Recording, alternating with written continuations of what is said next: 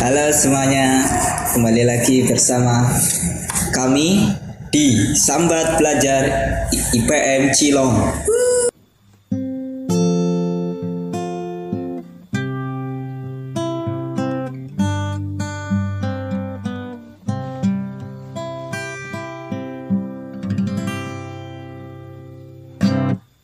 Siapa nih? Alumni katanya alumni nih. Iya, kami Al- alumni terkece atau alumni apa nih? eh, Terapanya? Ya. Oh. Terapalah lah katanya. Ini katanya ini kami akan bahas seputar UN. ujian nasional. Oke. Ya. Ini mau kenalan dulu kan nih sama saya? Dikenalin Iya. apa nggak nih teman-teman? Imawan dan Imawati sekalian. Harus dong. Oh, ya. Oke. Perkenalkan dong. Oke, kenalin nama saya Febriana Zulfa. Eh, dulu saya di Ikatan Belajar Muhammadiyah Cilangkap itu pernah menjabat di bidang pengajian ilmu pengetahuan. Ya, itu. Itu saja. Iya. Gak lengkap-lengkap amat. ya, enggak Oke. perlu. ya, ini katanya tadi kami bilang akan bahas putar ujian nasional. Hmm. Ya. Ujian nasional yang sebentar lagi teman-teman itu yang masih SMA, SMP, SD sekalian itu mau melaksanakan ujian nasional pada tahun ini. Menurut panggilannya apa nih? Eh, apa ya? John? John John. Eh, apa ya? Feby aja. Oh, Feby apa-apa. katanya. Hmm. Oh, akrabnya Feby. Gimana menurut Mbak Feby? Ya, ceritakan saja tentang UN di pikiran Mbak Feby. Hmm. Kalau menurut saya, menurut saya UN tuh eh, gimana ya? Kalau secara dari pandangan beberapa teman-teman saya, terus juga saya juga rada gitu. Kalau UN itu sebenarnya bagus. Cuman untuk sekarang ini UN itu bukan syarat kelulusan eh, seseorang seorang siswa untuk bisa melanjutkan pendidikannya. Nah, jadi kadang eh, di antara kami itu pada bertanya, pada bertanya gini, loh, kalau kalau UN udah bukan menjadi syarat utama kelulusan, buat apa ada UN gitu? Seakan-akan kalau kalau kita lihat ke sananya lagi, eh, UN itu kayak bagi yang belum pakai komputer otomatis bakal mikir UN tuh buang-buang duit gara-gara eh, apa ya namanya mungkin penyediaan kertas dan sebagainya gitu. Itu paling itu. Tapi kalau nggak ada UN kadang ya eh, belajar-belajar eh, rada menyepelekan begitu. Karena eh, pelajar-pelajar itu kurang apa ya menjadi kurang tertantang gitu bisa meningkatkan kualitas belajar mereka. Kalau itu menurut saya. Oh, berarti sekarang itu apa ya UN kayak nggak di apa ya kayak bukan faktor kelulusan ya? Hmm. itu apakah tahun-tahun ini apa dulu itu tidak apa tidak menjadi faktor kelulusan baru-baru tahun ini? Tahu hmm, baru-baru kemarin kayaknya kalau nggak salah sih. Kalau nggak salah ya kalau nggak salah sih kayak gitu. Gitu semenjak ada apa ya USBN itu loh USBN yang kayak apa yang diserempakan apa gimana tuh? Kayak apa ya intinya semenjak ada USBN berarti. Kalau USBN sih udah dari dulu cuman eh oh apa ya? Menjadikan USBN menjadi syarat syarat kelulusan. nah itu.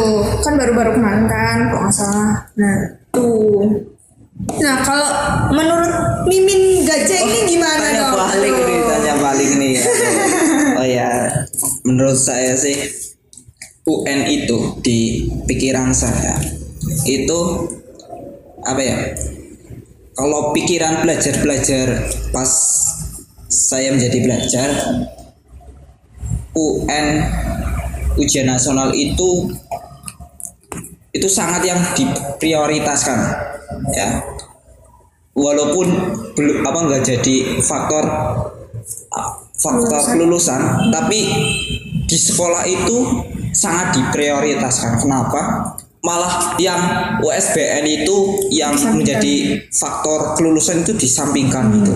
Jadi kayak sangat diprioritaskan dan pada apa sampai hari ini apa sampai tahun ini itu UN apa ya kalau ada UN pasti libur. Tapi kenapa USBN yang faktornya kelulusan itu kan yang harus benar-benar apa ya kayak tenang suasana nggak diliburkan itu kan sebuah pertanyaan apa pertanyaan yang besar. Nah, iya. pertanyaan gimana sih faktor kelulusan tapi nggak diprioritaskan itu kayak dilainkan itu kan menjadi apa ya momok momok sebagai pelajar dan apa ya mindset pelajar di UN itu sudah apa ya tertanam sejak dini.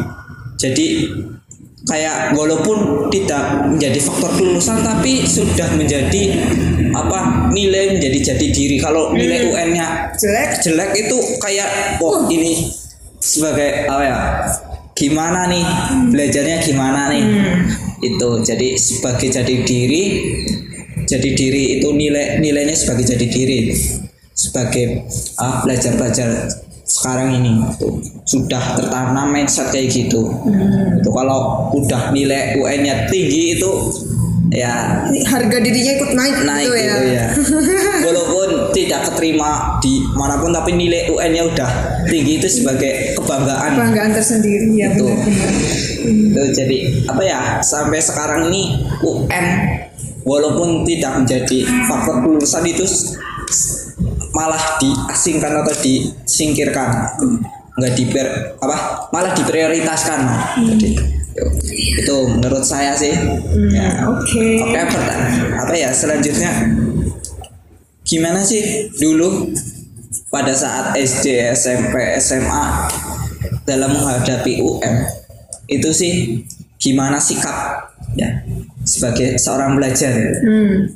Pertama kalau pas SD itu saya karena UN itu kayak kelihatan wow banget karena ya mungkin baru pertama kali ya baru pertama kali tahu UN ujian nasional gitu kan sifatnya uh satu Indonesia otomatis eh, tingkat belajarnya itu intinya belajarnya itu ditingkatin terus gitu. Nah SMP SMP pun saya juga sama sampai les privat. Padahal dulu kalau SD itu saya nggak sampai les privat tapi alhamdulillah nilainya tinggi dong. Garing. Terus kalau SMA nah di masa-masa SMA ini eh, saya tuh udah tahu udah paham. Loh bentar. Syarat kelulusan itu USBN loh. Terus buat apa UN nah saya udah ada udah ada pikiran-pikiran. Ah, ada udah ada pikiran-pikiran. Loh kenapa yang diprioritaskan adalah UN gitu? Jadi saya hanya eh, apa namanya? Saya tuh hanya berpikiran fokus ke USBN-nya saja. Dan UN-nya itu bahkan saya apa ya namanya walaupun ada intensifikasi ujian nasional dan lain sebagainya itu tuh benar-benar itu tuh kayak nggak masuk gitu loh astagfirullah. Terus kayak apa ya namanya eh benar-benar matematika pun yang dulunya pas SM, SD sama Masih- SMP itu tinggi. Wah, cuy tinggi. sama- sama. Iya dong. Harus. Karena matematika kan dipandang apa ya namanya sama masyarakat luas kan oh kalau anak ini ma- matem nilai matematikanya tinggi berarti wih anak ini pintar gitu kan ya kan? Ma mepet lah dapat eh, apa dibilang tinggi eh, apa anaknya pintar ya padahal nggak tahu aslinya gimana. Nah mulai SMA saya udah eh, apa namanya wah intinya udah nggak mikir UN tapi mikirnya USBN. Nah akhirnya nilai UN-nya turun. Dari yang dulunya ya maksudnya udah termasuk tinggi terus SMA udah mulai turun. Dan persiapannya itu bener-bener bener-bener biasa aja. Sampai ada materi eh, ujian nasional yang aku belum paham itu pun eh, aku tuh nggak bener-bener mikirin banget gitu loh. Nggak sampai tanya ke temen lah dan lain sebagainya. Gitu. Kalau itu dari aku. Oh sikapnya. Itu. Terus apa ya? Apa penting apa ya? Bagusan mana sih sistem dari ini kan ada ujian nasional berbasis komputer Hmm. sama ujian nasional apa ya pakai alat tulis lah Iya, intinya. iya, oh. itu sih sistemnya menurut Mbak Feby selama oh, pasti menghadapi dua apa ya pergantian ini kan Hmm. jadi yang dulunya tulis sekarang pernah komputer kan Hmm. pernah komputer berarti dua sistem sudah di oh, pernah dilakukan Hmm. gimana sih sis- sistem sistemnya itu dan lebih bagus mana kan kalau misalkan ujian nasional pakai Kertas. alat tulis kertas gitu ya itu kan kita kan disuruh eh, apa tuh pensilnya tuh pensil harus 2B harus yang asli Iya. kalau nggak asli ntar nggak bisa Nggak kedeteksi. kedeteksi kebaca sama komputer gitu terus apa yang namanya kadang juga dulu pas SD sama SMP itu kan pakainya itu kan kertas ya menurut saya sih biasa aja sih Eh, apa namanya buat melatih kita cermat apa enggaknya kalau misalkan eh, apa tuh ngitem-ngitemin jawaban gitu. Gitu. Cuman waktunya kadang eh, apa ya habis cuman buat eh, apa ya ngitem-ngitemin itu. Jawabannya. Oh, ngitem-ngitemin jawabannya. Apalagi kan nggak cuman jawaban tapi juga ada eh, data diri terus apa lagi itu tanggal lahir Iya, nomor data diri ya, biodata Heeh, tadi. heeh. nah terus kasihannya itu pernah gak sih yang temennya itu namanya tuh Muhammad Panjang panjang banget nah kotakannya tuh nggak sampai gitu kan kasihan gitu nah paling itu tuh kalau yang di apa kalau yang kertas gitu terus kalau misalkan apa ya namanya eh pakai kertas juga apa ya menurut saya sih duitnya keluar banyak pastikan pemerintah gitu buat demi pendidikan. Cuman ya kalau kalau kita iya apa ya urut urutin gitu kertas kertas kertas banyak ya kertas banyak keluarin duit banyak. Kalau ngeluarin apa ya kertas banyak otomatis kan kertas kan dari pohon gitu loh. Pohon Ekologinya nggak ada. Seka- banyak sekali pohon yang ditebang buat dibikin kertas. Berarti kan otomatis merusak lingkungan berarti sama dengan UN merusak lingkungan. Astagfirullah itu kayak mindset gitu. mindset ekologi yang luar iya dong. Ya kalau UTPK eh, UTPK UNPK Oh ya UNBK Kalau UNBK sih menurut saya bagus. Soalnya eh, dari UNBK itu eh, Kita tuh lebih simple Jadi apa ya namanya Lebih paham Mengenai Bentar. Mengenai ya intinya kita tuh apa ya lebih simpel gitu nggak perlu nggak perlu banyak banyak apa namanya eh menghabiskan waktu buat kayak ngitem ngitemin kan kita cuman eh, apa ya disuruh ngetik gitu kan paling ngetik nama sama nomor ujian gitu. Jadi nggak perlu waktu yang lama buat ngisi data diri dan lain sebagainya begitu. Tetapi kelemahan dari UNBK itu sendiri bagi daerah-daerah yang terpelosok gitu kan mereka kan otomatis eh, belum ada misalkan ya mungkin belum ada alat-alat elektronik lah ataupun bagi sebagian masyarakat yang sebagian siswa-siswa yang terpelosok yang eh, apa ya berada di daerah yang pelosok gitu mereka belum bisa menerima teknologi dari ya eh, seperti UNBK itu sendiri. Belum mungkin belum bisa mengoperasikan eh, komputer dengan baik gitu. Jadi eh, apa ya menurut saya ya dari sistem UN maupun UNBK ataupun eh, yang UN dengan kertas itu pasti punya kelemahan masing-masing. Gitu. gitu. Terus apa ya? Lah di sini kan Mbak Feby itu termasuk apa ya orang-orang yang mempunyai kekurangan pada matanya itu kan. Matanya Oh, minus. oh iya benar. itu gimana pada menyikapi pada saat merasakan soal-soal pada saat UNBK itu? Apakah matanya itu tercenderung mumeti bahasanya? Atau tidak Iya, kadang kelamaan ya apalagi waktu ngerjain UN kan dua jam gitu. Aduh ngadep laptop. Eh laptop ngadep PC pasti eh, matanya eh, gampang capek gitu kan. Padahal udah pakai kacamata. Dan eh, apa ya apalagi kacamata saya tuh kacamata yang ya bukan yang yang intinya yang standar gitu bukan buat eh, apa ya ya bukan yang mahal-mahal banget lah. Jadi kalau misalkan paling ya lama-lama kan kayak kena radiasi dari komputer itu Iya. sendiri. Nah itu. Nah kadang tuh kejadian lucu pas UN itu apa ya? Kalau misalkan saya itu kalau capek ngerjain ujian itu tidur pas lagi ujian. Tidur bener-bener. Dan kadang itu saya mikir mungkin abis tidur itu dari jawaban-jawaban yang belum dijawab eh, dari soal-soal yang belum dijawab itu bakal abis tidur itu bakalan dapat ilham gitu Enggak. dapat ilham oh ternyata ini jawabannya ini weh gitu Nah kalau Mbak Feby itu tidur, kalau saya itu main tiran. main apa tir Kan pakai oh Google. iya iya kan nggak ada internet itu main tiran. Teman-teman saya kayak gitu. Jadi main tiran itu biar kejenuhan itu melihat komputer Ah, itu iya benar. main tiran. Biar ada sensasinya. iya benar benar benar. Oh ya, ya terakhir pesan untuk teman-teman yang mau menghadapi UN, apa khususnya pelajar-pelajar di Banyumas maupun di sekitarnya Cilong dan sekitarnya Hmm. itu pesannya. pesannya saya itu eh, teman-teman mungkin eh, apa ya jangan berpikiran mengenai UN lah UN eh, bahasa Jawanya ya.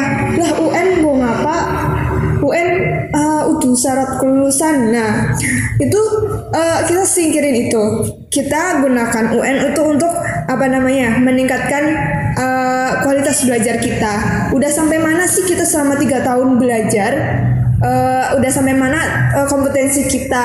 Apakah sama aja? Apakah terus meningkat tiap tahunnya? Maksudnya udah ada kemajuan dibandingkan tahun pertama dan tahun kedua sekolah gitu.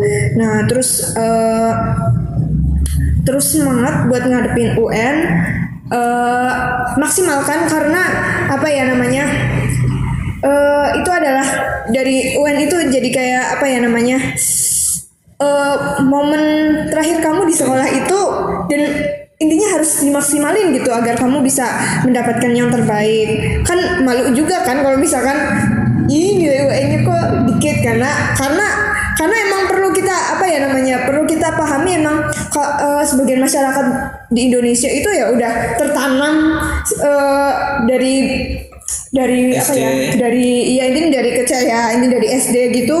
Kalau UN itu yang wow lebih wow dari apa ya USBN gitu. Jadi kalau misalkan nilai UN-nya sedikit ya rada-rada malu lah ya karena sebagian masyarakat udah tertanam pikiran-pikiran kalau UN itu yang eh, lebih apa ya lebih wow ininya daripada Baik. Heeh, gitu. Ya terima kasih.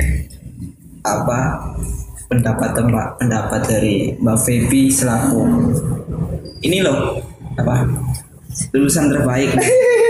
Terbaik lulus apa masuk perguruan tinggi dengan SMPTN bro. Itu pun saya nggak percaya ya. Kalau kalau bisa eh, bisa bisa lulus. Apa? Nyanyi dengan teman-temannya yang notabene itu lebih tinggi dari Mbak Feby. Iya iya. Yang kami petik untuk apa? Season kali ini yaitu untuk para kepala sekolah maupun guru-guru itu harus memandang UN itu bukan apa ya kayak yang di harus di apa ya ditingkatkan gitu jadi harus diprioritaskan. Tapi apa ya pandanglah misal USBN yang notabene itu harus diprioritaskan padahal USBN itu yang faktor kelulusannya itu harus diprioritaskan dan apa di, harus diprioritaskan juga se, setara dengan UN dan untuk para pelajar itu jangan apa ya kayak terpaku. Harus belajarnya itu hanya UN doang. Itu juga harus belajar pada saat USBN yang harus nilainya tinggi agar kita lulus. Jangan apa terpaku kebiasaan mindset UN itu harus diprioritaskan pada pikiran teman-teman. Iya. tapi sekarang zaman sudah berbeda UN itu bukan menjadi prioritas utama tapi USBN lah yang menjadi prioritas utama. Maka dari itu bukan hanya kami itu memprioritaskan USBN-nya saja mak ketimbang UN tapi kita harus belajar serius dua-duanya gitu. eh, harus seimbang. Se- harus seimbang itu apa pesan dari kami harus seimbang belajarnya bukan hanya kita harus fokus pada satu tapi kita harus membagi-bagi dan kita harus bisa apa ya mendapatkan hasil yang terbaik Hmm. ya terima kasih sekian podcast hari ini semoga bermanfaat Amin. apabila ada salah katanya itu datangnya dari saya dan apabila ada benarnya itu datangnya dari Allah SWT. Nun wal Wassalamualaikum warahmatullahi